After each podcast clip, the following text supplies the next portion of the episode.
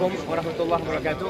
Akhirnya, akhirnya kita sampai ke tembok ratapan di mana kita melihat bagian tembok ini yang sering kita melihat orang Yahudi meratap di sini. Apa sebenarnya yang mereka ratapin?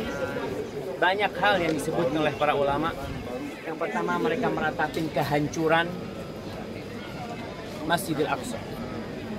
Di mana Aqsa ini hancur beberapa kali karena dosa-dosa orang-orang Yahudi. Akhirnya mereka merasa itu dosa yang mereka lakukan sehingga mereka di sini meratapi.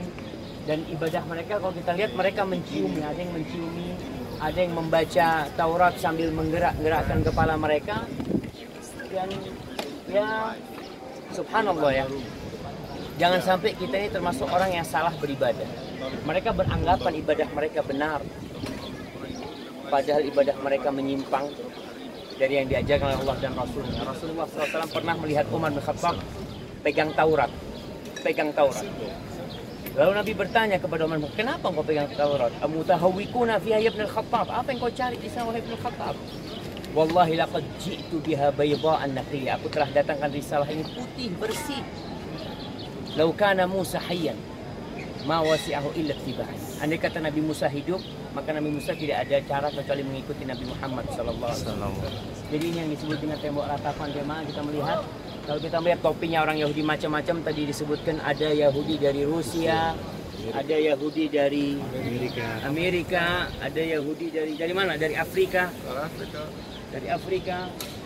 Dan mereka juga Rasul wasallam mengatakan bahwasanya orang Yahudi berpecah belah menjadi wa sab'ina firqah. Menjadi 71 golongan. Maka ini mereka dengan golongan yang macam-macam, tapi ibadah mereka berbeda. Kita lihat yang perempuan-perempuan sendiri, yang laki-laki laki-laki sendiri ada pembatas di antara mereka jemaah.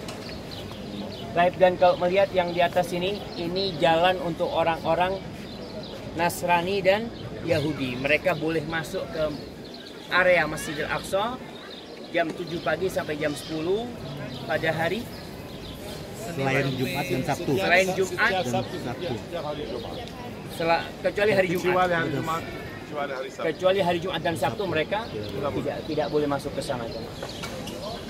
Semoga Allah memberikan kembali Al-Aqsa kepada umat Islam kalau kita tidak seperti orang Yahudi kembali kepada ketaatan. Barakallahu fiik.